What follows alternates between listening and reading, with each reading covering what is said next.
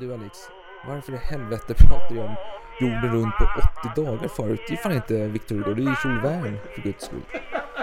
Åh, fy fan. För full för detta. Ja, det var svälja salt. Mitt konunganamn skall vara Karl den sextonde Gustav. We shall never surrender. Allen Zeiten nicht die Mehrheit! Kom inte med en sån jävla provocerande och aggressiv ton mot mig. Där har våldet triumferat. Ask not what your country can do for you. Ask what you can do for your country. Ska vi verkligen öppna en till flaska?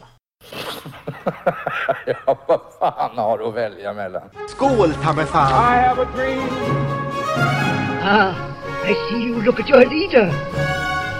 And I too look to you, Paul Bauma. It's one small step for man, one giant leap for mankind. Ja men då så, då säger vi varmt välkomna till Salongsberusad historia, del 7 i vår följetong om Sara Bernhardt. Eh, Den är inspelad vid samma tidpunkt som föregående avsnitt, så vi har ju ingenting nytt att rapportera om hur vi mår och så vidare, eller någon lek och så vidare, utan detta är helt enkelt en del 2 utav del 6, men det blir tekniskt sett del 7. Var jag tydlig Alex, eller var jag otydlig? Du avgör. Jag tycker du var ganska tydlig. Ja, fan, fan vad skönt. Men då vill jag veta, vad hände med Rui, Rui Blas, den stora Victor Hugo-pjäsen? Var det en succé eller var det ett fiasko? Vad hände egentligen? Ja, jag tycker att innan vi går in på hur, huruvida det var en succé eller fiasko. Så måste vi ju titta lite bakom kulisserna här. För att Sara ska ju nu träffa Victor Hugo eh, för första gången. Eh, Och börja repetera och så vidare. Och eh, det visade sig att det blev ingen, eh, vad sa vi, bordsläsning. Eh, tror Sara i alla fall, hos Victor Hugo. Eh, Utan eh, hon blev kallad till teatern nästa dag. Det låter konstigt. Det är rimligt Alex. Så att eh, mycket möjligt att Victor Hugo ställde in och bara ändrade. Bara, ah, men okej, jag kommer till teatern istället. Eh, Och Sara fick nu träffa honom för första gången. Hon hade, som jag nämnde tidigare, en eh, lite negativ bild av honom som ett monster. Och var den här nidbilden kommer ifrån kan jag nog inte svara på riktigt. Nej men alltså det är, det är en man, alltså vi får, vi får absolut inte glömma att Sara är en person som älskade Napoleon den tredje. Eller hon tyckte om Just honom i alla det, fall. just det. Hon tyckte ändå Precis. att Napoleon den första var väldigt attraktiv. Vem som nu kan tycka det. Ja men jag är inte den som dömer den som är den som gillar honom. Men eh, så var det i alla fall. Så det kan ju finnas någonting att eh, vi har en man här som är storslagen, Victor Hugo. Men ändå var, eh, han levde ju i exil. Han fick inte verka i Frankrike och vi ska ju inte glömma att Sara upp, körde någon pjäs utav honom inför Napoleon den tredje. Och Napoleon då lämnade salen när hon körde den. Han, han var ju en kontroversiell person utan dess like. Och jag kan, utan att veta säkert kan jag misstänka att hon var lite kluven kring hans person. Hon hade alltid uppskattat hans eh, pjäser och så vidare, samtidigt som han var en stark motståndare till det hon uppskattade. Hon säger att hon är republikan, men det här skrevs ju då i början på 1900-talet och då var ju republiken ett faktum och så vidare. Men hon var säkert imperialist eh, när kejsaren var vid makten. Ja, nej men det, jag tror att du satte fingret på någonting där med just att hon hade vissa kopplingar då till Napoleon tredje. Eh, och om eh, Napoleon IIIs fiender måste väl vara hennes fiender också kanske hon tänker. Ja, Hur i viss helst. mån. Ja. Nu, nu möter hon då det här monstret och hon berättar med följande ord. Monstret var charmig, så kvick och raffinerad och så galant. Men på ett hyllande sätt och inte förolämpande. Han var god också och ödmjuk och alltid så munter. Han var definitivt inte elegansens ideal. Men det fanns en moderation i hans gester. En ömsinthet i hans sätt att tala. Hon berättar vidare att eh, Victor Hugo, han var ju med på de här repetitionerna och han talade ofta i verser när han skulle tillrättavisa en skådespelare. En dag när Sara var otålig så satt hon på ett bord och svingade sina ben. Så hade Victor Hugo utropat En drottning av Spanien, hedersam och respektabel, torde väl icke på detta vis sitta på ett bord? Jo men då hade- vänta, vänta, vänta, vänta, vänta. Översättningen tar inte riktigt skärmen i det hela. Alltså, vill, alltså det finns ju ett rim där som försvinner i översättningen. Respektabel, eh, table. Alltså det är där rimmet ligger. Ah, ja, ja, ja. Det är sant. Du har rätt. Jag missade faktiskt att det rimmade där. Det, och det är ju i sig en eh, översättning från franskan där det säkert var samma rim. Fast på franska. Men, men du Så tror eh, det är franska? Respektable table. Nej, Jo, men eh, i självbiografin så är det på engelska som du läser också. Ja, och ja, där ja. är ju eh, engelska, men det är ju samma ord. Nej men jag, jag, tog, ja, jag tog franska. Fast table och respectable. Re, eller, alltså, ju också. Respectable. Table, inte Ja, ja, table. ja, ja, ja, ja. Nej men... Nej vadå? Vänta, vänta, vänta, vänta, vänta Alex. Table. Båda rimmar ju, både på franska Jo och men engelska. respektable, det är franska för Ja, respektabel. ja, ja, ja, ja. Table är table. Ja, ja, det stämmer. Ja, precis. Så jag tog den franska översättningen här, inte någon jävla engelsk Ja, ja. skit. Nej. Men även den engelska skiten rimmade. Så att jag, Jo, det borde jag ha absolut. tagit. Absolut. Ja, jag, jag tänkte så långt. Jag, jag bara översatte ord för ord och så blev det lite fel. Men eh, absolut, det, det ska ju vara ett rim. För det var ju själva poängen. Att han, eh, eller ja, verser. Jag tänkte att en vers kanske inte behöver rimma. Så jag bara, äh, skitsamma. Hur som helst. Gud som haver. Sara spratt till. Hon är ju väldigt kvick. Hon är ju ganska... Alltså, om någon försöker sätta dit Sara så tar inte hon skit. Utan hon slår igen. Hon har svar på tal. Så är det bara. Exakt, men den här gången så hade hon inte det.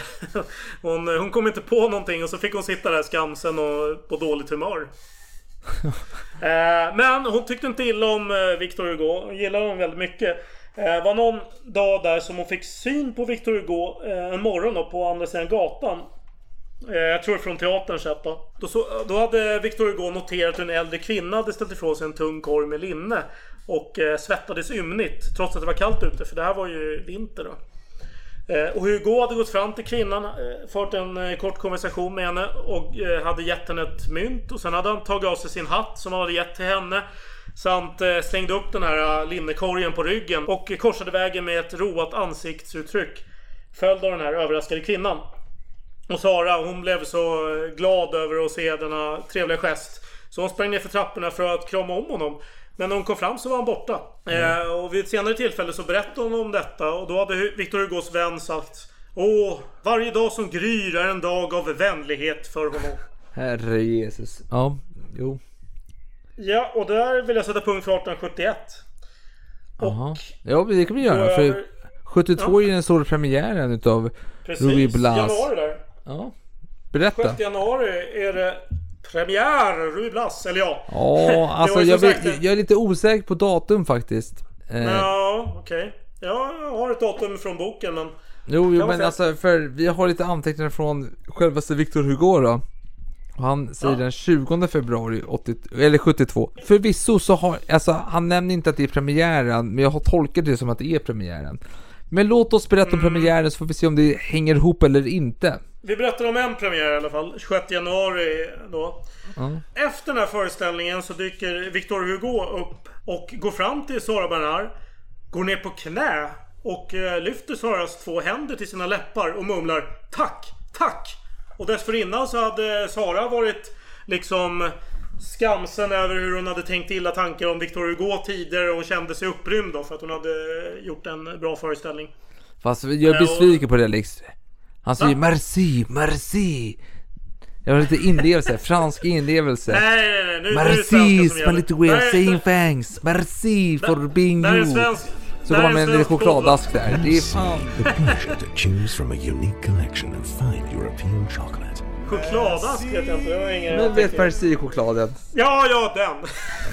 alltså, jag, alltså, fan, jag tycker inte den är så god alltså. Jag vet inte. Jag, jag har försökt. Nej, den är överskattad. Det finns vissa smaker som är god i den. Tycker jag förvisso. Lättsamma, klassiska smaker. Men sen är ja, det är ingen... det är Jag hade, en vänlig, jag hade en vänlig inställning till den, men sen blev jag äcklad efter att ha ätit några stycken. Jag vet inte vad det är. Kanske Men, är någon fransk eh, konditör, vet du, eh, fast vad fan heter de på franska? De som gör efterrätter.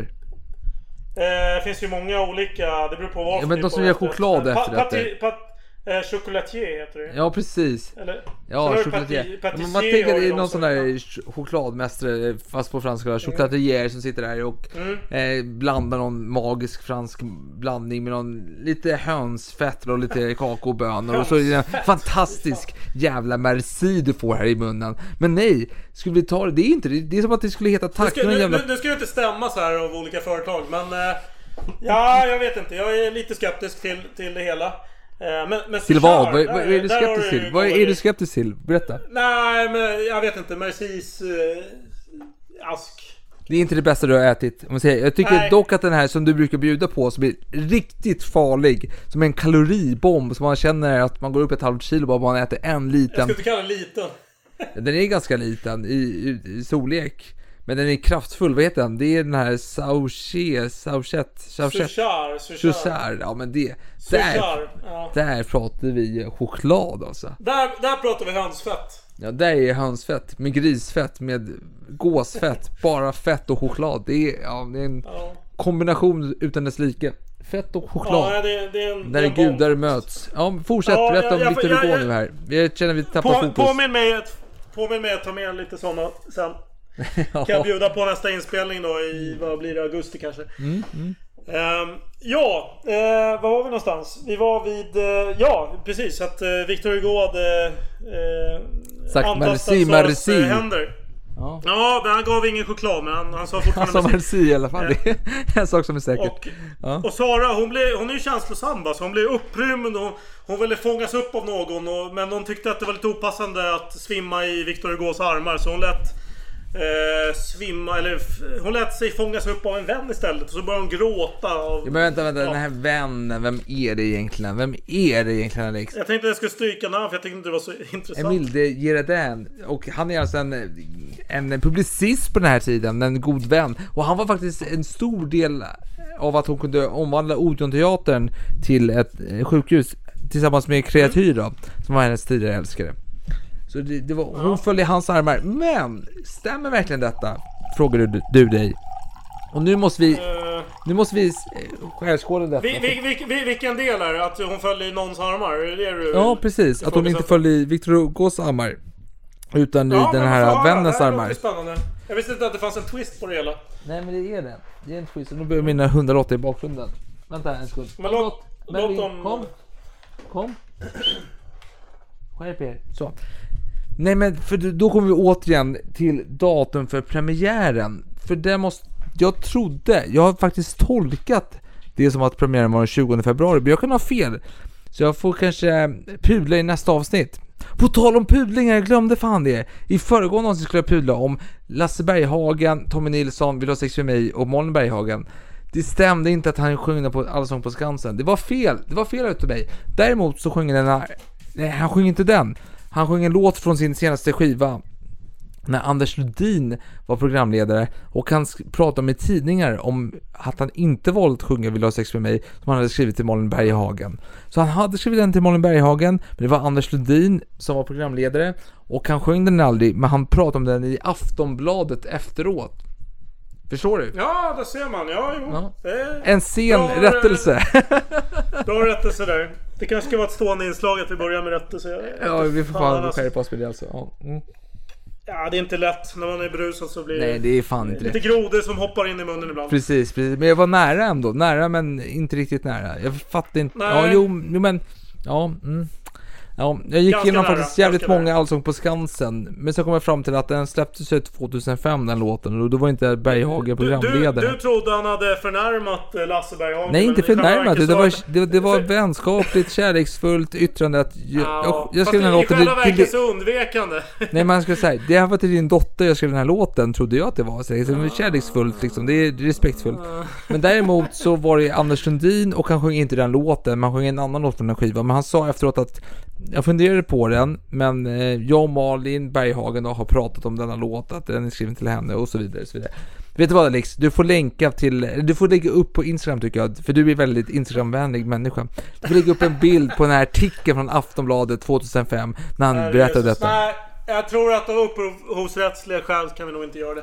Men jag tycker Men i alla fall, vi- skitsamma, vi går vidare, vi går vidare, vi går vidare. Det jag vill komma till är att i alla fall eh, jag trodde att det var den 20 februari, jag kan ha varit, haft fel, men Victor Hugo skriver i, då i sina journaler eller dagbok eller vad fan vi kallar det för, skriver följande. 20 februari 1872, fullt hus. Såg och gratulerade Sara Bernhardt. Kyss på munnen. 28 mars, gick till Odeon, såg Mademoiselle Bernhardt i hennes omklädningsrum. Hon bytte om. Oj. Ja, så jag- han kysser henne på munnen och... Eller han kysser henne, det kan vara hon som kysser honom på munnen, det vet jag inte. Ja. ja, ja, det, verk, det verkar som att eh, ingen av dem blev förnärmad. För det står inget negativt om detta i alla fall. I någon av biografierna. Nej, och eh, till råga på allt då. För detta blev en succé Rublas. Ruiblas, förlåt, förlåt. Jag vill ha den spanska franska uttalet. Ruiblas. Det blev en succé såklart. Och eh, tydligen så höll Victor Hugo då, han höll en middag den 10 juni för att fira 100 föreställningar utav Ruiblas. Och Sara var med på denna tillställning. Och hon ropade högt Kom! Kom! Ge alla damer en kyss! Börja med mig! Och Victor Hugo som var 70 plusare här, han tyckte ja, fan vad trevligt, jag går laget runt här. Och då ropade Sara Och avsluta med mig! Oj, han gjorde en... eh, Vad, vad heter den där... eh, Arnaud. Nej, nej, nej, nej, nej, nej. Jag tänker på en annan, eh, han som från jultalen här, eller jul... fan, den där gubben. Fan, jag kommer inte på namn. Jan Malmsjö. Nej! Eh, alltså Mr Jul himself, Arne... Weise. Weise! Han, han drog ju till en kyss där på någon kändis där i... fan var det? Någon Let's Dance eller liknande. Vad fan var det för någonting? Let's... Ja, något sånt. Fan, han, går- han kysste någon på munnen. Annie Lööf var det. Eller, ja, jag- eller What? jag tror det kan... Jo då, Det är Annie Lööf!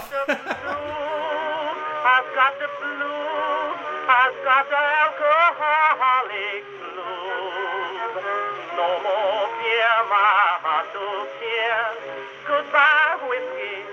Used to make me frisky. So long, highball. So long, gin. Oh, tell me Men when eh, you're ska vi coming. fortsätta kanske? Ja, det tycker jag att vi kan göra. Du snackade om juli eller någonting. Nej, 72. februari Jag ju- jag om. Eh, men i alla fall, men eh, tydligen, hon höll ju den här, han höll, jo juni, gjorde, fan vad bra du är. Juni sa jag ju, 10 juni, det var, det var där jag var Alex. Mm. Du har koll på läget helt enkelt. Du lyssnar på mig för en gångs skull, för det är ganska kul faktiskt, ska ni veta. En gångs skull. Ja men för off-podd, det är alltid så här. Ska vi ta med det till avsnittet? Jo men vi pratade om det i föregående avsnitt. Till exempel när vi pratade om Alexander Dumas eh, och hans eh, ursprung. Och det, och det pratade vi faktiskt om i avsnittet om Schulmeister. Och du fattade inte du när vi pratade om Sara Bernhardt. eh, Alltså tre avsnitt senare så var det helt frågande. Så jag undrar ifall om du verkligen lyssnar på avsnitten. Nej, men jag försöker undvika det faktiskt. Ja, jag märker det, jag Men- märker det. men- Så du men missar jag- jag viktiga vet inte saker. riktigt kopplingen där, varför du pratar om... Nej men alltså, Va- för, Vad är det för koppling? Men för, nej men för Schulmeister så, så har Ja. jag en liten kortare harang om eh, de här, den äldres ursprung. Jaha, ja, och sen ja. helt plötsligt börjar du prata om det som att det är en nyhet i avsnittet om Sarah Bernhardt Ja, del men det hade jag 2. glömt bort att du pratade om det, för det var ju inte riktigt... Nej för, pratar, för du lyssnar ju aldrig. så det, Ja, ja... så där har är vi min, full, min, min förvåning när du väl lyssnar på någonting jag säger. Det, det är ofta Nej, men så det det är så. säger i ett avsnitt, det lyssnar jag på. Men... eh, Nej, det fan det gör.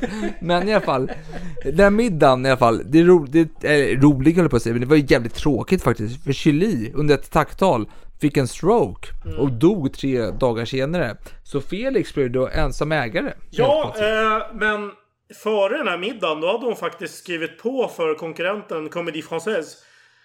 Eh, och det här hade hon eh, informerat eh, Felix eh, om att hon skulle göra det. Hon hade berättat för Felix att hon hade fått ett anbud från Comédie Française med en viss lön. Och erbjöd sig att stanna kvar på Odeon om de var villiga att betala den högre lönen. Och då hade Felix sagt så här. Ja men eh, snälla stanna hos oss. Jag lovar att det kommer att bli bra. Men du vet att jag inte kan bestämma sånt här själv. Utan det måste gå via Chili. Men eh, följ mitt råd snälla och vänta med att skriva på för dem. Och det, då pratade då Felix med Chili. Och eh, då hade de ett möte med Sara. Där Sara då framförde eh, sina krav. Men det var väldigt tydligt på mötet att eh, Chili hade ingen aning om att hon skulle till just Comédie Française. Han trodde att det var någon av de andra konkurrenterna och han sa det att det är kört, de kommer aldrig vilja ha dig. Så varför tror du att du ska få någon högre lön? Bla, bla, bla. Och då hade Sara sagt att jaha, du om, jag, om jag ska tolka det rätt så, så blir det ingen eh, löneförhöjning. Och då sa han nej, det blir fan ingen löneförhöjning. Och då sa han ja visst, visst, visst. Och så begav hon sig därifrån. Och hon tog raka vägen då till Comédie Française där hon skrev på kontrakt då att eh, börja hos dem. Jo, hon hade fortfarande kvar uppsägningstid hos... Alltså, hon hade Ja, kontrakt ja, kvar ja, ja, ett år hos eh, Odeon Exakt, Teater. exakt. Och det är ju en viktig detalj. Eh, och eh, mycket riktigt då kommer ju Kjellin när han väl får reda på det här. Han kommer att stämma eh, henne. 6000 För, där kontrakts, för kontraktsbrott. Och hon får betala böter. Jag kommer inte ihåg hur mycket det var. 6 000. Det, var 6 000 låt, det låter Ja. lite lite, men det kanske var mer. Men skitsamma. Nej men det var mycket Eh, på den tiden vet du. Jo, jo, jo, visst, det var det. Men i alla fall, så han och hen, hon var inte i, på vänskapliga termer, eller vad man ska säga, eh, inför den här kvällen. Men ändå blev hon bordsplacerad bredvid honom, eh, intressant nog, på just den här middagen som du precis berättade om. Ja, när, när han dog. Eh. Eller när, början på hans död om vi säger så. Eh, Ja, och, och eh, jag, jag vill gärna göra, försöka göra någon slags eh, efterhandstolkning då, eh, nu av vad Felix menade. När han sa att Snälla, lita på mig, stanna kvar här och... Jag tror att han visste att Kjell var döende. Det är vad jag tror. Men han fick ju en stroke han på visst- middagen. Det är inte så att du kan planera en stroke. Nej, men han, var, han hade väl jävligt dålig hälsa. Så han skulle dö när som helst. Det tror jag att Ja, okej. eh, Felix... Det är din för, för, för, tolkning. För på, ja. ja. för på middagen så försökte han släta över det. Nej men han, han mår bra så han behöver bara lite tid. Han försökte verkligen släta över det hela, hela jävla tiden. Just att eh, Kjellin mådde skitdåligt. Mm, Och så skulle han dö så småningom. Och till och med Victor Hugo gick in när han såg det här eh, döende Kjellin så sa han så här. Ja, en ganska vacker död. Jo men, men, men du får tänka på att det, är Saras ord eh, 25 Ja, ja, visst. år senare eller 30 år senare. Mm.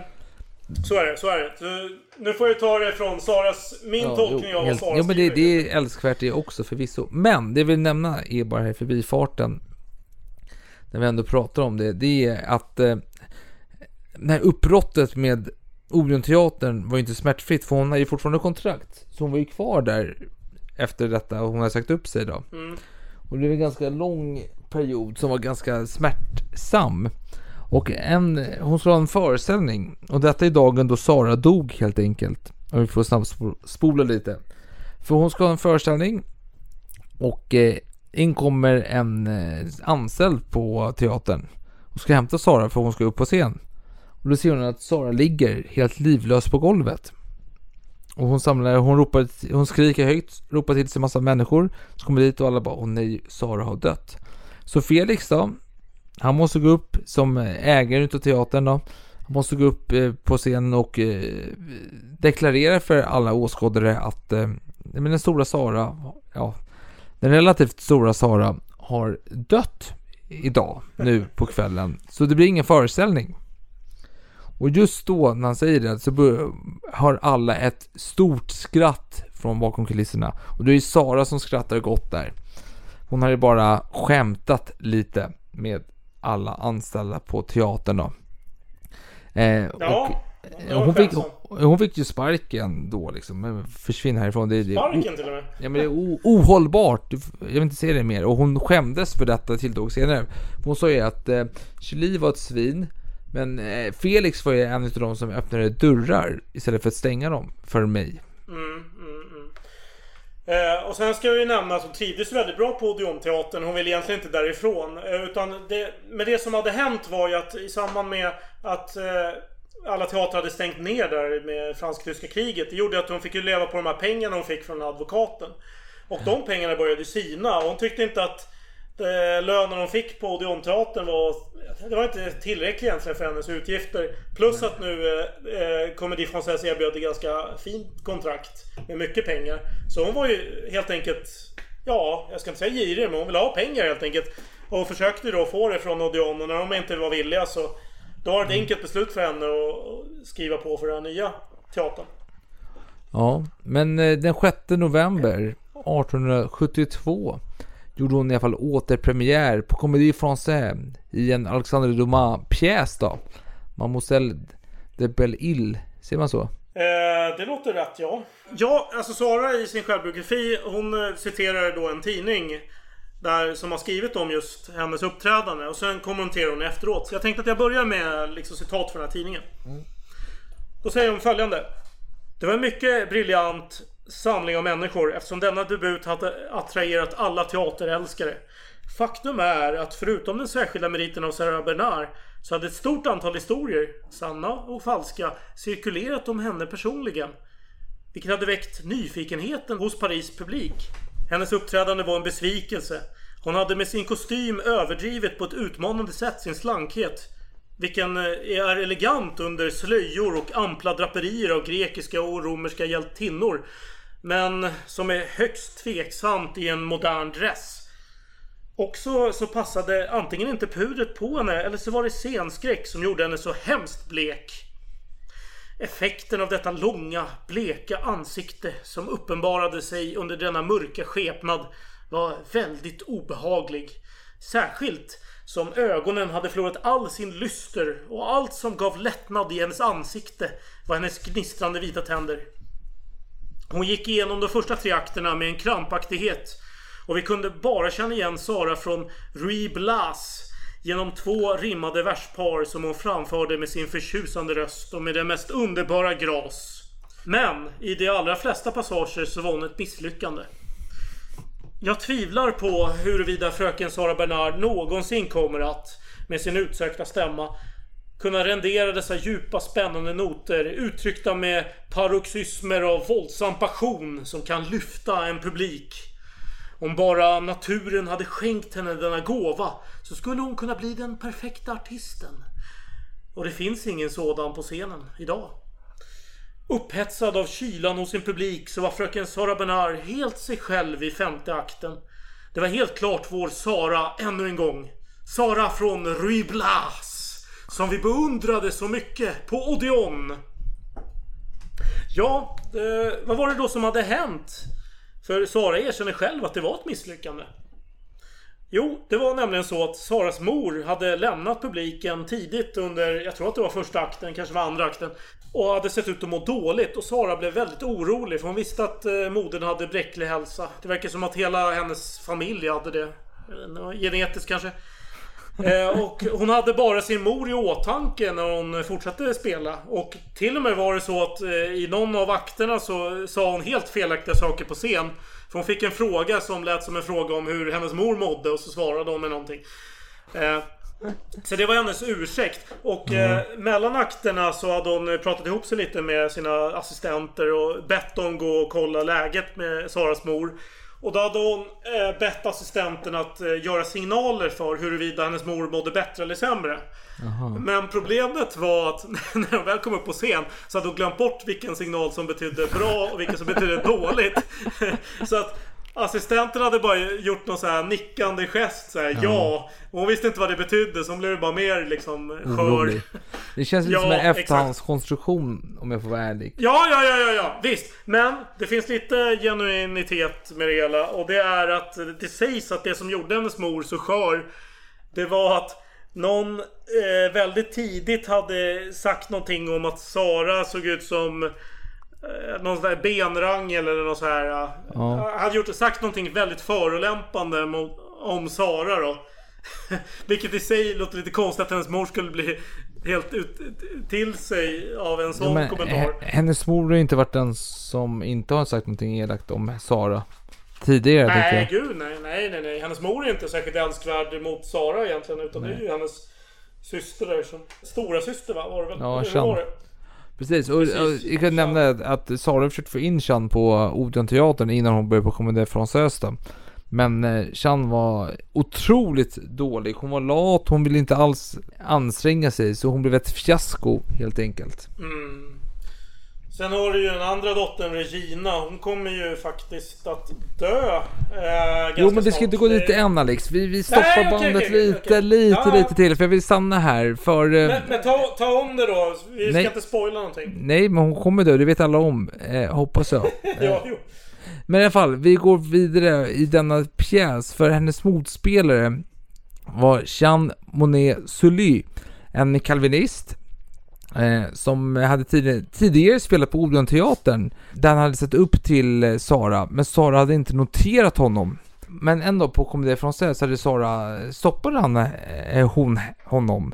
Och sa Är det du? Monet? Då sa han så ja, jo, jo, jo, det stämmer, det stämmer, det stämmer. Men, men, men, men vad har hänt med dig? Du har blivit så vacker.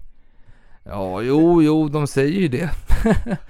Eh, men, men, men, men, då svarar Sara så här, men jag måste, börja, jag, jag måste börja bli galen. Du var inte så här snygg när du var på Odeon. Eller var du det verkligen? Jo, jo, jag, jag tror faktiskt att jag var det. Nej, nonsens. I så fall hade jag noterat det. Men du, ska du spela ikväll? Ska du stå på scenen? Ja, jo, det ska jag. Det ska jag. Ska jag. Okej, då kommer jag vara på plats då. Och eh, de inledde en affär då. Vi kan nämna så att den här Monet, han var ju inte blyg av sig. Han, när han var 60 år så skulle han tydligen ha skrivit någonting om att när han tittade sig själv mellan benen så såg han att det var ett styvt ben där. Eh, tolka hur du vill. Och det, är, och det, är inte må, det är inte målaren vi pratar om här, utan det är någon annan Nej, Monet. precis. Eh, jag vet inte om man, Monet, det är bara jag som säger Monet. Det är M-O-U-N-E-T. Monet. Ja, nej men det är inte, det är inte Monet, det är Monet. Monet, Monet. förlåt. Monet. Förlåt Alexi, det var dumt av mig att säga Monet, det var Monet. Stor Ja, skillnad. ja, ingen, det är helt okej att baktala Monet. Det, han är lite överskattad måste Ja jag men det, men det är Mo-U-Ne. Tack för rättelsen.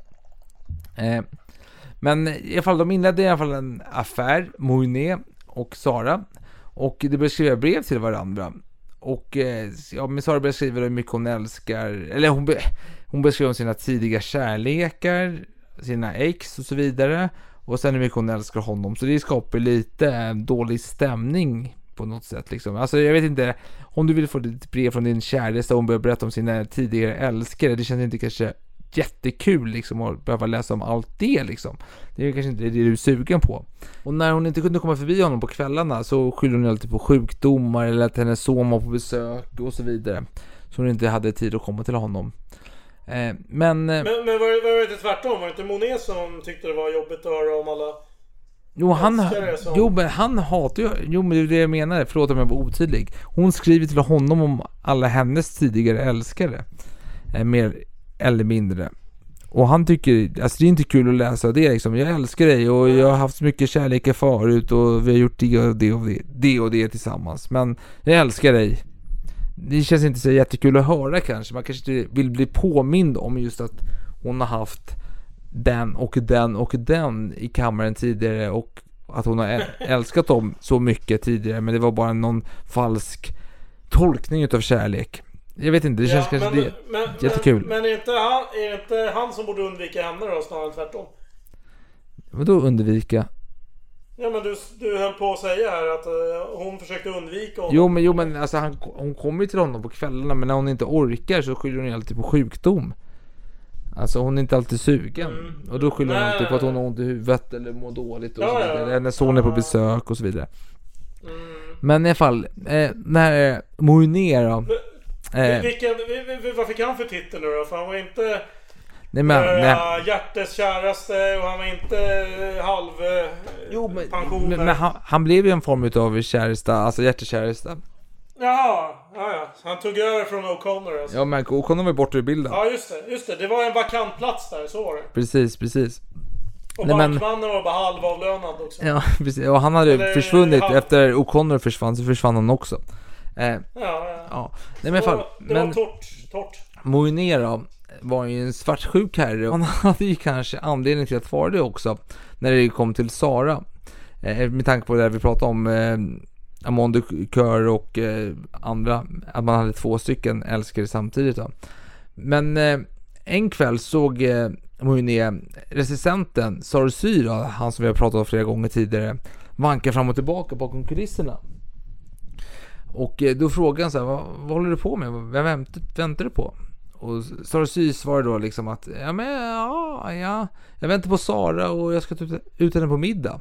Och Monet då blev ju rasande, ådrorna pumpade i hans ansikte och han sa att, eh, att, att den här Sarcy var en töll på att eh, utmana honom på en duell helt enkelt. Och eh, Sy då, han svarade med att han inte bråkade med ett småbarn. Så tog han Sara i handen och så gick de iväg åt middag helt enkelt. Och en annan historia som berättas av Marie Colombier då, eh, är att eh, Sara och den här eh, var på väg hem och de var lite fulla och eh, var så arg så att han, för att undvika att strypa Sara så drog han sönder rutan på vagnen de färdades hem i och sparkade in fronten på den dessutom. Eh, För han blev så jävla galen på Sara. Chauffören blev ju rasande på den här eh, taxivagnen så han började konfrontera den här Monet då, förlåt. Och Sara sprang därifrån. Och sen eh, när Monet var på väg hem då, han kom hem, han var galen, han var arg på den här chauffören, han var arg på Sara för de var en idiot tyckte han. Då fann han henne ligga och sova i hans säng. Lite, ja, retsamt eller vad man ska kalla det för. Och kort tid därpå då, någon dag efteråt så fick han ett brev från Sara där hon skrev till honom att Var inte arg, jag ber dig Chan, min älskade. Jag måste vara snäll. Om du vill vara snäll mot mig så kom och kyss mig. Men efter det måste du gå hem och sova. Vill du höra en hemlighet? Jag mår så dåligt att jag gjorde dig ledsen häromdagen. Jag ångrar det oändligt och jag älskar dig mer för det. Jag ska inte bli stygg igen. Nej, aldrig. Jag lovar det. Skratta inte. Jag älskar dig. Jag önskar att det var det gårdagskväll då jag nu verkligen har återhämtat mig. Jag andas genom dina kyssar och ger allt av mig till dig. Och lite sådan var deras relation på den tiden. Men, men, men, men sa du att han hette Jan? Det låter väldigt Jan. kvinnligt faktiskt. J-E-A-N. Jan kanske? Sean, ja men. J, ja, Jean. Jean, Sean, inte Chan, Jan. Sean. Jan är Ja, det kvinnonamn. är kvinnor. Ja, men förlåt är, eh, förlåt men Alex att jag inte kan franska flytande. Buhu, Det är okej, buhu. jag, vill bara, jag vill bara förtydliga. Alltså det är ingen HBTQ-affär här. Alltså bara för att förtydliga. Det är ändå intressant. Ja, absolut. Men sa, samma namn eh, om man är britt är ju ett kvinnonamn och då uttalas det Jean. Ja, jag vet. Det är jobbigt. Det är, krångligt. jobbigt detta. Det är jobbigt detta liksom för oss som är Ja, mer det, det eller mindre enkelspråkiga svenskar. Men i alla fall, i alla fall, i alla fall. Fan, de lyckades. De fick spela mycket mot varandra, med varandra också. Eh, och gjorde su- succéer. Och Sara fick då rollen eh, i en pjäs som eh, hette Delilah då. Och det vet vi alla, Susan och Delilah, biblisk berättelse, svekfull Delilah som eh, sätter dit sin man då som har långt hår och så vidare. Och Sara kände sig absolut otänkbar till denna roll. Det skulle, det skulle ju svartmåla henne som person och hon kände sig inte alls att hon skulle kunna vara en Janus tvåansiktig i Får, den. får, jag, får jag flika in lite vad hon själv tyckte att hon, hon hade oftast blivit... Eh, hennes roller hade ju oftast handlat om att hon skulle vara den sköra kvinnan. För hon var väldigt tunn. Hon var liksom Mm. lite smal. Hon hade den här... eh, Fragil. På något sätt bräckliga Mm. eh, uppsynen då. Så att hon var ju oftast eh, offret i olika dramer. Så att hon, hon tyckte själv att hon blev kunde få väldigt konstiga roller ibland när man tyckte att hon skulle vara någonting helt annat. Och det fanns en annan roll som passade henne mycket bättre.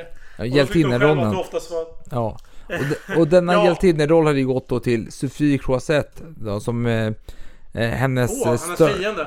Ja, precis. Eh, Stern, henne, bankmannen, hade gift sig med då senare. Som i Ah. detta tillfälle var ju själva direktören på Comedy Française älskarinna på den här tiden. Ska tilläggas. Hon, hon gör ju en tydlig markering i sin biografi att hon inte på något sätt är ovän med den här Croisette. Nej, de är Däremot vänner sedan bildas- tidigare. Alltså, de är vänner sedan tidigare. Ja, ja. Däremot har det bildats olika fraktioner utifrån någon incident som hon har haft på scen. Ja. Det var under några genrep som eh, den här Croisette hade snubblat till. Och eh, det var så att eh, Sara hade en vana att ha en massa rosor i sina kläder av någon konstig anledning. Och då hade den där Croisette eh, beskyllt Sara för att det var hennes ros, eh, rosor som hade lossnat och liksom fått henne att halka. Men då hade Sara pekat på någon stol någonstans och sagt bara de loss, rosdelar som har lossnat, de ligger där borta. Det här var din egen klumpighet. Och det var den incidenten då som hade genererat den här fraktionen då, eller vad hon kallar till och med ett krig mellan de här grupperingarna. Ja. Eh, Hon kallar det till och med som att det fanns croisetister och Sara Bernardister eller något sånt där. Eh, Ja. eh, lite förutbådande för eh, Dreyfus Dreyfusarerna. Ja, jag. precis, Ja. precis. Ja, jag kände lite samma Men- sak. Ja. Men, men hon hävdar ändå i sin biografi att det där var uppblåst och eh, det fanns ingen sanning i att det fanns en sån rivalitet och att hon personligen var god vän med Croisette. Och att de eh, i, så småningom skulle trivas väldigt bra tillsammans. Eh, jag har någonting att berätta dock om något, eh, något genrep När det var lite tveksamheter kring vem som skulle ha huvudrollen. Jag vet inte, tänkte du prata om det? Annars tar jag det nu. Ja, alltså det är Sphinxen du tänker på va?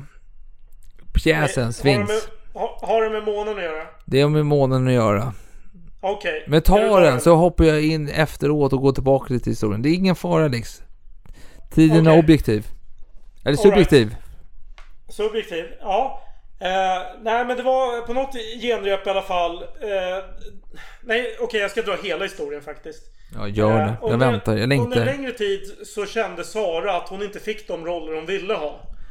Mm. Och det var Croisette som fick de bra rollerna. För hon var älskarinna med eh, direktören på teatern. Ja, och. I, i biografin så står det ingenting om det här med att hon är älskarinna utan snarare att eh, Croisette gör allt som ledningen vill att... Alltså vad hette han? Bernier? Bernier? Peri? Perin, Perin. Perrier, Perrier, Perrin. Perrier. Perrier, Perrier heter han. para, nej per, heter han, inte Perrin, Perrier. Perrier, Perrier, Perrin, Perrin. Det är ju vattnet. Jävlar, ja, Eh, Perrier. ja precis. Ja, jag, jag tror om Bra vatten, bra vatten. Ja. Ja, eh, nej men teaterchefen Perrin eh, var en väldigt auktoritär person då. Och det var ju Sara också. Och de hamnade ofta i, vad ska man säga? Inte handgemäng, men de var lite på ovänlig Men, kant. men det eller visar väl ändå deras eh, vänskap, Sofies vänskap. Ja, Att Perrier, Jo, hette han? Perrier? Hette han Perrier? Pe- Pe- Perrin hette han, inte Perrier. Perrier är kol, Ja. kolsyrad. Precis, men Perrier då. Han, eh, Ja. han var ju direktören där och han var älskarinna med henne, Sofie.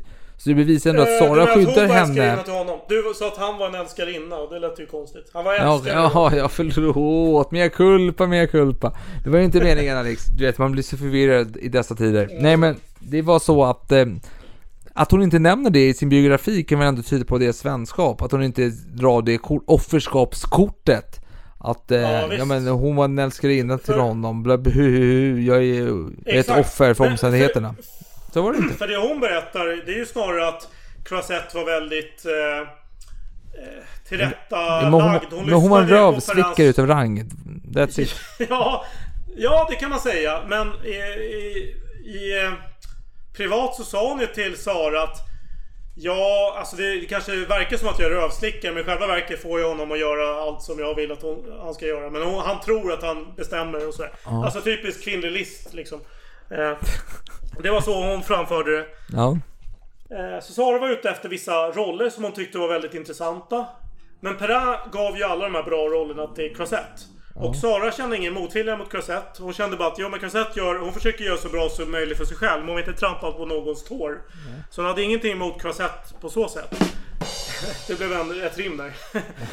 Eh, Men eh, Sara kände istället att hon började ju ägna sig åt eh, skulpturer och grejer vid sidan om. För hon Ja. tröttnade lite på eh, teater. Teater. Men det var vid något tillfälle hon kände att Nej, den här rollen jag kan göra den till en huvudroll. Alltså skitsamma. Jag vet att Croisette har den riktiga huvudrollen. Men kan, det, kan, det får bli dubbla huvudroller. Det, det funkar. Mm. Så tänkte hon i alla fall. Eh, och det var väl den här pjäsen Sphinx. Ja. Kanske den hette. Yes. Eh, där, där hon då hade en scen där hon skulle komma vandrande från något berg eller liknande. Och så skulle hon ha månljus över sig. Och det visade sig att den scenen den var så episk. Hon, I alla fall tyckte hon själv det. Att eh, de här uh, crossettisterna tyckte att det var jobbigt. Nej men vad fan, du ska inte ge de här uh, måneffekten till henne. Hon är ju inte huvudperson. Hon ska inte få såna här fina effekter. Det var ju di- direktören som tyckte det. Inte, inte bara... Okej, mycket, Crossetterna. mycket möjligt. Mycket möjligt. Men, men för huvudrollen hade ju också fått en sån här trevligt månskens eh, då. Eh, men eh, det riskerade ju att överskuggas då av Saras entré. Och då blev det en massa tjafs om det här med månljuset. Bara, Nej men jag vill ha månljuset tyckte Sara. Att vad fan, oj, ja skitsamma ge henne månljus men ge mig ett lite sämre månljus men jag ska fan ha månljus annars så vägrar jag. Vi såg ju manus faktiskt, det- att hon eh, gick in Ja. under månljus. Alltså, hon, Mm, hon var ju mm, bokstavstrogen på så sätt. Ja, jo. Så var det. Eh, och då var det någon som tog hennes parti och eh, den här Perrin var jävligt förbannad för han var ju auktoritär. Han skulle ju ha sista ordet. Ja. Han som bestämmer allting. Jag vet inte hur det landade. Blev det Jo, nej, men det, det, som hände var ju att Sara vägrade komma upp på repetition dagen därpå då. Och eh, Mm. när Perrin då, han, direktören, han försökte ta någon annan skådespelerska som skulle ta hennes roll, men inget, inget blev bra. Så till slut så gav han med sig och gav henne ett litet månljus när hon gjorde sin entré under Sphinxen. Mm. Så, så Och det var väl en succé för båda. Vill, skriver hon i biografin i alla fall. Ja, jo, men det blev jättebra. Det blev en succé. Återigen. Mm. Eh, men, eh, men om jag får återgå till relationen till Monet då. Eller Monet. Mo, Monet, inte Monet. Inte Monet. inte Mo- Monet. Monet. Ja, ah, jävla fransmän. Så jävla komplicerat. Monet. Så komplicerade men ändå så simpla varelser. Det är otroligt. Eh, men i alla fall. Eh, deras relation var ju lite si sådär. Eh, han var lite våldsam hon ursäktade honom och eh, gav vika och lite farlig sådär på så sätt. Eh, destruktiv kan man kanske kalla det för. Men helt plötsligt blev hennes syster sjuk. Och eh, jag vill bara nämna att Lilla hennes- syster. Lilla syster, ja precis. Regine. Nej, hon var sjuk. Hon var 18 år vid tidpunkten. Arthur Gold och Robert Fistale som skrivit en biografi om Sara Bernhardt. De, de verkar vara väldigt förtjusta i, i att nämna att hon är en prostituerad i var och varannan mening när de pratar om lilla syster vid den här tiden. Det återkommer flera gånger. Så hon var en prostituerad, inte kortisan då, utan mer prostituerad i, dess, i den bemärkelsen då. Skillnaden som finns däremellan.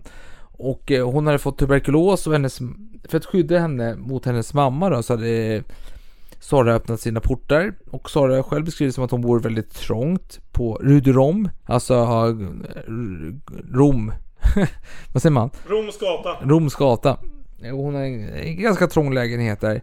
Och hon har ett stort sovrum där hon har sin säng. Och i det rummet har hon även en liten kista. Och den här kistan brukar hon ju ligga och läsa sina manuskript i då när hon ska förbereda sig inför roller. Och grejen är att hon kan inte, hon bor ju så trångt så hon kan inte flytta den här kistan till något annat rum. Det, det, Ja, det är en likkista alltså. Ja, ja precis. En likkista. Och, lite, och man kan ju fråga sig varför hon ligger i en likkista och håller på med saker och ting. Men i alla fall, Sara är givmild. Hon låter, hon öppnar sina dörrar för sin syster och systern får då sova i sängen helt enkelt. Och hon vill sova i samma rum som systern men det, sängen räcker inte riktigt till. Så att det är den naturliga lösningen att hon sover i den här kistan.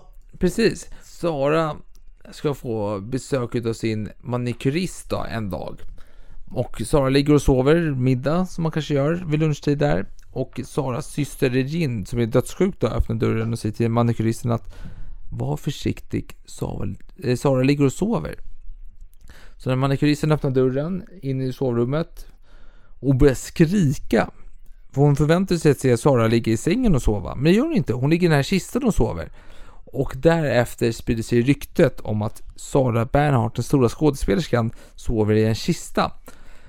Och det är ett rykte som Sara tycker, ja, här, hon konstaterar att här spreds ryktet och eh, mycket illaviskande skvaller spred sig från denna stund om henne och om just denna situation.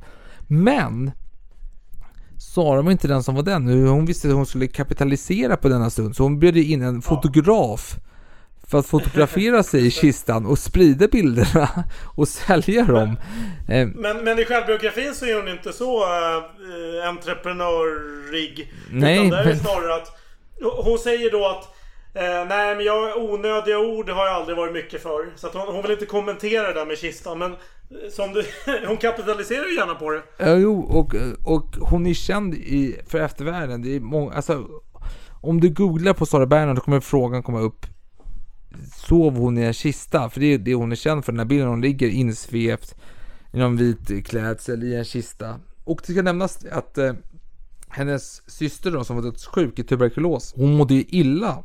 Eller illa, förlåt. Förlåt min underdrift. Hon mådde dåligt utav att se den här kistan. För den påminner henne om döden. Alltså den framtid hon snart skulle stiga in i.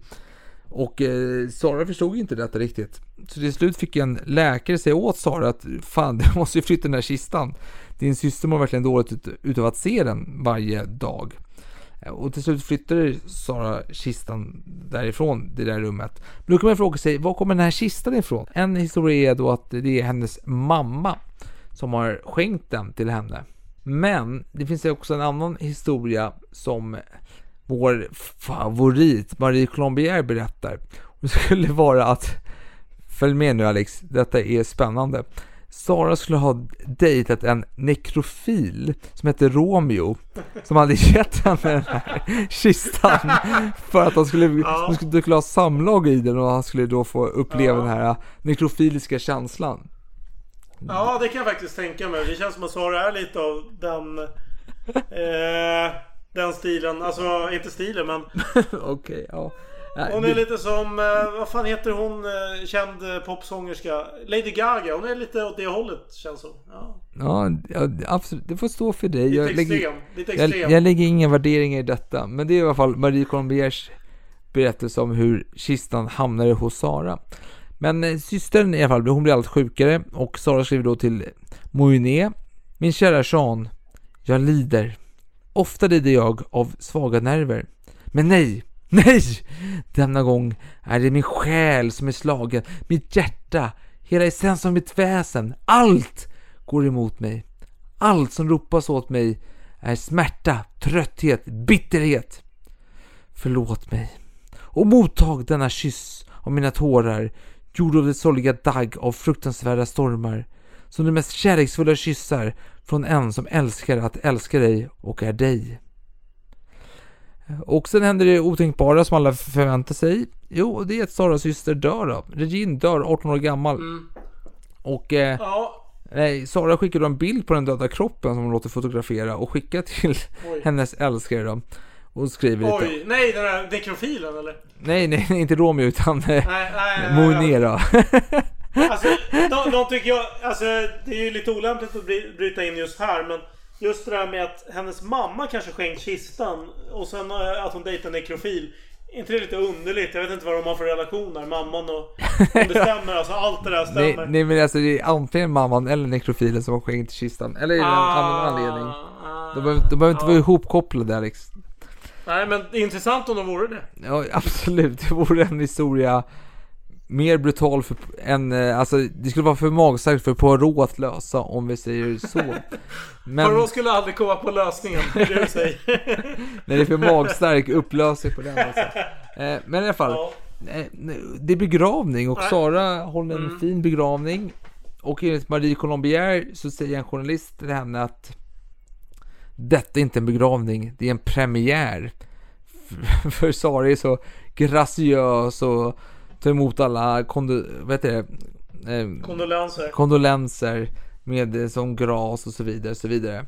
Och eh, som du nämnde, Sara började skulptera eh, här under den här tiden, ett halvår innan, och hon blir ganska framstående. Hon har en studio i Montmartre, typiskt klassisk fransk konstnärsområde. Ja, Eh, Moulin Rouge som alla känner igen från filmen med Nicole Kidman.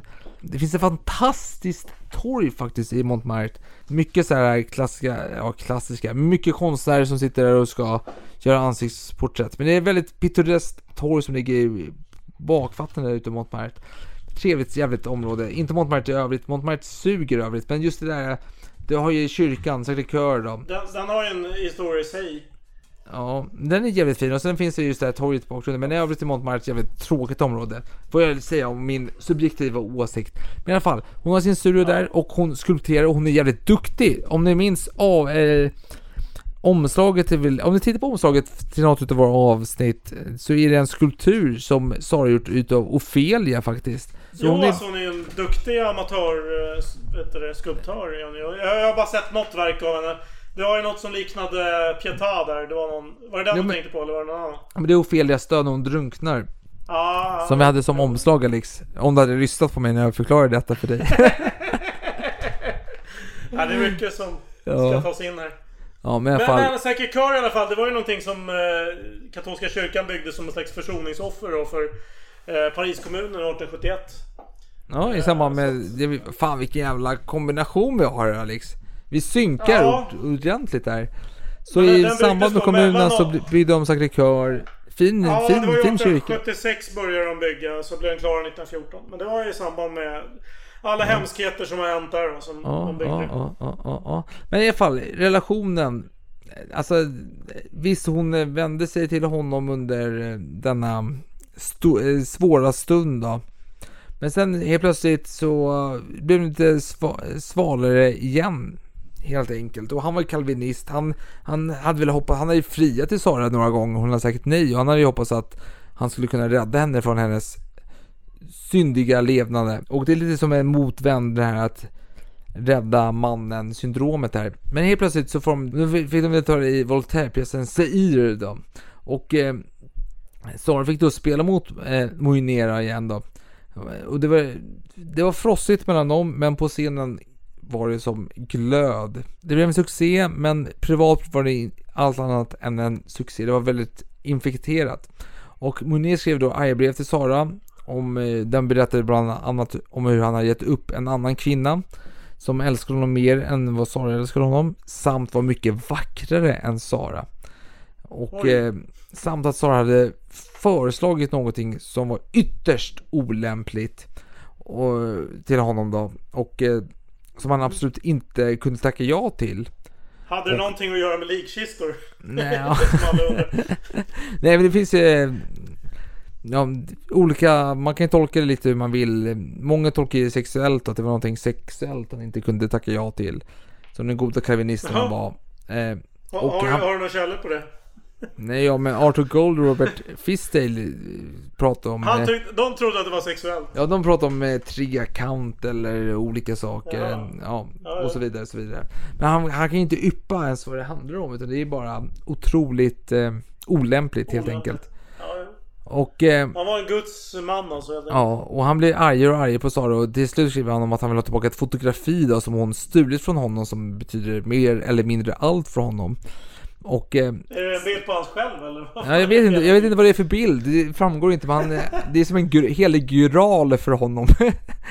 Det är men det, jävligt skumt alltså. Det kan ju vara en bild på hans lem, den tredje armen eller vad man säger. Med tanke på hur, han, hur stolt han är över den annars. Men han skriver alltså så här. Jag betraktar dig som död till en dag då den prostituerade kropp som liknar din dör. Oj. Ja, okej. Okay. Och så skriver han att eh, han ångrar att han någonsin har älskat henne och hoppas att hon ska bete sig som en gentleman nu. Då inget någonsin kan få henne att bete sig som en dam. Och därmed tog deras relation äntligen slut. Och eh, Sara har ju spelat, eh, du nämnde Sphinx-rollen där och det var den, hon, fick, hon mådde väldigt dåligt för hon, hon har jobbat hela somrar, hela höstar, hela vårar i ganska lång tid. Hon ville ta ledigt här inför den här Sphinx-teatern, eller pjäsen. Hon fick inte, hon blev tvingad att arbeta. Hon kände sig väldigt sjuk och skör och hon eh, spydde blod och så vidare, och så vidare. Och sen ja, efter... ja, ja, det var ju, det var ju framförallt en väldigt varm sommar där hon verkligen kände att hon ville ha ledigt. Men då var det den här uh, Perrin som var auktoritär. Han ville ju inte låta henne få ledigt. Nej precis. Och, då sen... sa hon såhär, nej för att jag är ledig ska jag fan...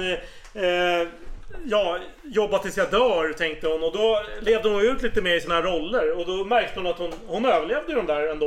Och då tyckte hon att hon hade blivit bättre. Jo men det finns en historia från hennes barndom när hennes mamma ger henne någon maträtt som hon inte tycker om alls. Eh, och mamman säger du måste äta upp detta. Och när mamma går därifrån så sväljer Sara någon blygrej och börjar spy som en gris och... Eh... Jag läste en variant av det där och det är vad hon skriver i sin biografi att det är någon slags så här, kokt bröd eh, där man har sockrat och eh, haft någonting annat på. Smör och socker. Eh, att de hade försökt få Sara att äta det då. Mm. Och då hade hon bara tagit det rakt av och lagt det i uh, pottan. För det, det, var tydligen, det fanns inga riktiga toaletter på den tiden. Så mm. sån här hörntoa. Och då hade hon uh, på något sätt gjort någon, uh, någon slags scen då och fått det att se ut som att hon hade spytt upp det. Eller skitit ut det. Jag vet inte tusan. Någonting eh, dramatiskt i alla fall. När hon, i själva verket inte, inte ens hade ätit det liksom. Nej, hon, hon blev sjuk och spydde i alla fall. Det är väl slutsatsen. Och mamman trodde då att det var mat som hade gjort henne så sjuk. Och därefter blev hon aldrig mer tvingad att äta någonting som hon inte ville från sin mamma, helt enkelt. Precis. Men efter den här pjäsen, Sfinxen som du pratade om tidigare, som blev en succé. Då blev hon ju, hon blev ju mirakulöst frisk efter premiären. Det finns flera källor som bekräftar att hon hade svimmat här och där, hit och dit. Så hon var väl lite sjuk, men hon kan ha överdrivit den sjukdomen lite i sin biografi, helt enkelt. Men eh, sen fick Sara spela Rachels stora paradroll i Fedr. Eh, och vilket skapade en enorm press på henne. Men hon klarade ju av detta till slut och eh, Det var efter denna föreställning hon kände att hon verkligen var på väg att bli den eh, stora stjärna hon var, faktiskt var född till att bli. Och eh, detta var slutet utav 1874 och 75 då så blev hon en societetsdam i Comédie Française. Bara en sådan sak. Nu tog hennes karriär fart så att säga på riktigt. Och eh, vet du vad Alex? Nej. Solen dalar för oss denna gång men vi ska väl återkomma till detta ämne under augusti månad. Ja, det blir väl för lyssnarna blir väl kanske september då, eller oktober eller någonting. Men ja, jo, vi, så blir det. Augusti Alex. Du har inte så mycket att göra. Du har inte så mycket att göra. Augusti blir det. Augusti blir det. Det är så. Det är så. Nej, men det, det, eftersom det går trögt med avsnitten här så betyder det helt enkelt att det finns väldigt mycket att prata om. Så vi får Absolut. väl eh, se det positiva. Absolut. Men vet du vad Alex? Vi har ju Facebook, vi har Instagram och vi har mail salongsberusadhistoria.gmail.com Kontakta oss om ni har någonting att säga eller tycka till om. Annars så håll tyst så hörs vi när hösten är ett faktum helt enkelt. Ska vi säga augusti, september någon gång där. Då är du tillbaka Nej, vi- på svensk jag- jag mark tycker vi och ska vi kan spela in. sväv- Jag tycker vi ska sväva lite med exakta datum. Men att vi gör vårt bästa som, som alltid. Ja, men skål för mig fan. Ja, skål! Jag har tomt glas här så det är dubbel dysterhet.